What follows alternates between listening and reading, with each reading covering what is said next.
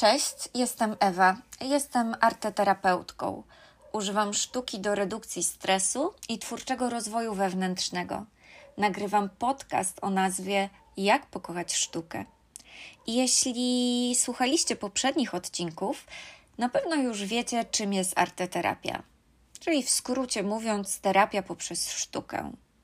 Dziś chciałabym Wam opowiedzieć o tym, jak wyglądają warsztaty arteterapeutyczne, które prowadzę. Podczas tych warsztatów to tak naprawdę nie ja jestem terapeutą, ale sztuka. Gdy spojrzymy na sztukę z odpowiedniej perspektywy, wówczas ona sama stawia nam pytania. A jaka to jest perspektywa? Jest to spojrzenie, które nie skupia się na znalezieniu odpowiedzi na pytanie, co artysta miał na myśli. W arteterapii najważniejszym pytaniem jest, co ja czuję, gdy patrzę na dany obraz, lub co czuję tworząc. Jakie myśli do mnie napływają? Czy to jest dla mnie piękne, czy może mnie odrzuca? A jeśli tak, to dlaczego? Co to mi przypomina? I to sztuka stawia te pytania.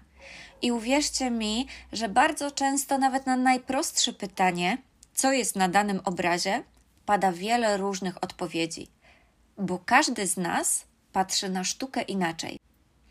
I nie tylko na sztukę. Tutaj sztuka nie jest niczym magicznym, jest ona bardziej narzędziem, którego używam jako arteterapeuta, bo to, jak patrzymy na otaczającą nas rzeczywistość, jest połączeniem naszych indywidualnych doświadczeń oraz sposobów, w jaki zostaliśmy wychowani i warunków społeczno-kulturowych, w których dorastaliśmy i w których żyjemy do dziś.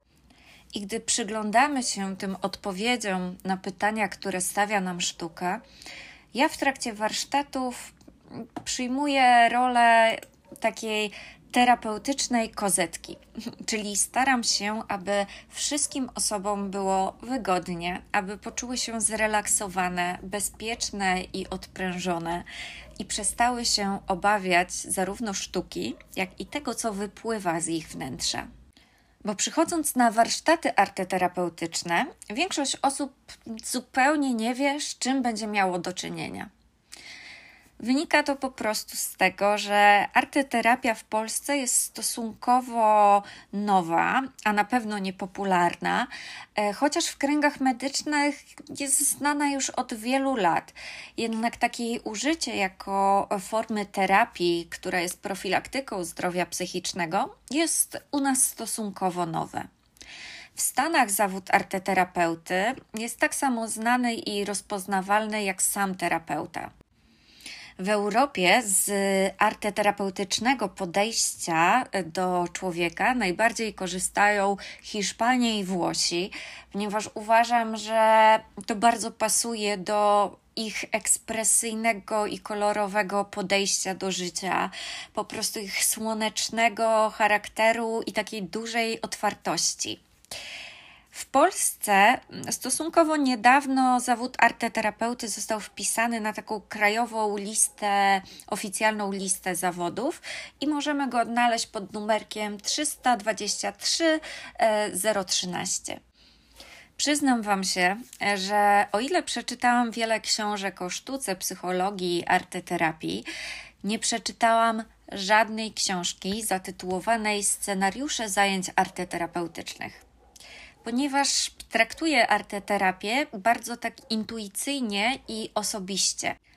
Bazują głównie na pewnych naukowych faktach, na takiej ogólnodostępnej wiedzy popularno-naukowej, ale przede wszystkim na moim własnym doświadczeniu, zarówno doświadczeniu, jakie zdobywam z każdym kolejnym warsztatem arteterapeutycznym, który przeprowadzam, oraz na moim prywatnym doświadczeniu i na tym, jak ja sama w mojej codzienności wykorzystuję sztukę do utrzymania takiego dobrostanu psychicznego. Przychodząc na warsztaty arteterapeutyczne, większość osób nastawiona jest na tak, takie prace manualne, głównie na malowanie, bo z tym przede wszystkim kojarzy się arteterapia, no i jest właśnie pod tym kątem często mylona z taką po prostu terapią zajęciową. Ja w swojej praktyce bardzo lubię czerpać z takiego biernego kontaktu ze sztuką, czyli mm, tego, w którym wcielamy się w rolę obserwatora. Oglądamy sztukę, przyglądamy się jej, poznajemy nowe mm, prace artystów. Dzięki technice neuroobrazowania mózgu wiemy o tym, że gdy patrzymy na piękne rzeczy, następuje wzrost aktywności w naszej korze oczodołowo-czołowej, która jest częścią nagrody w mózgu.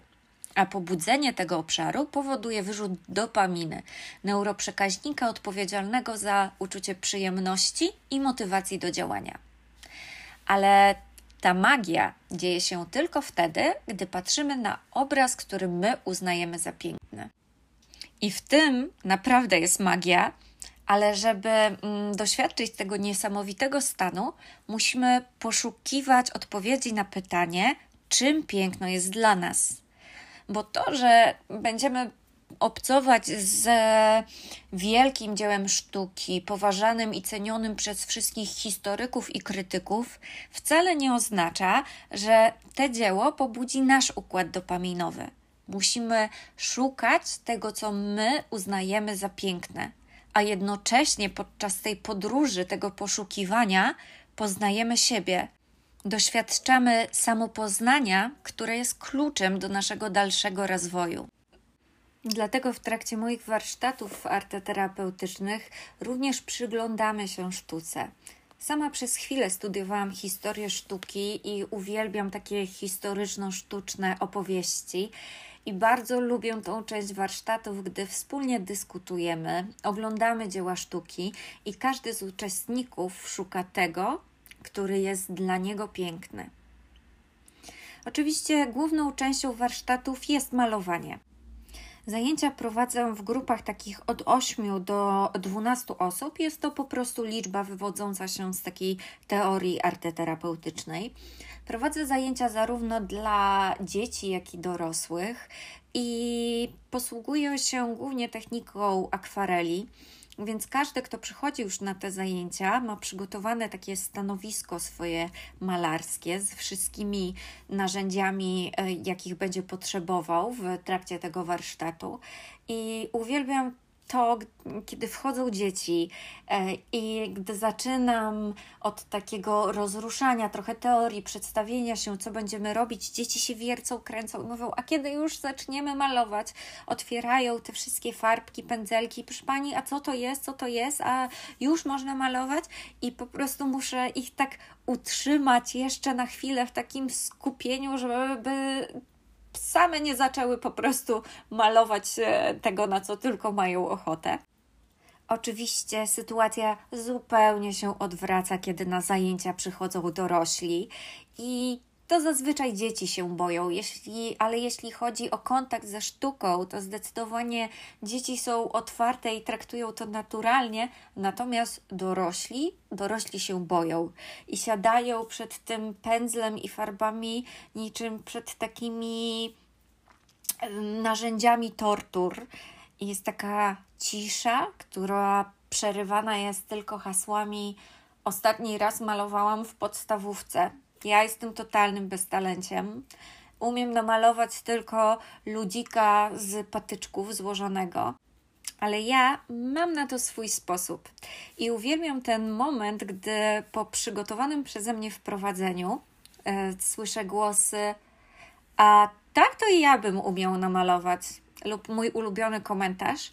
Czuję się oszukany, bo całe życie chciałem malować, a nikt mi wcześniej nie powiedział, jak to robić bo wystarczy poznać tylko kilka trików i technik malarskich, ale o nich już opowiadam tylko na warsztatach na żywo.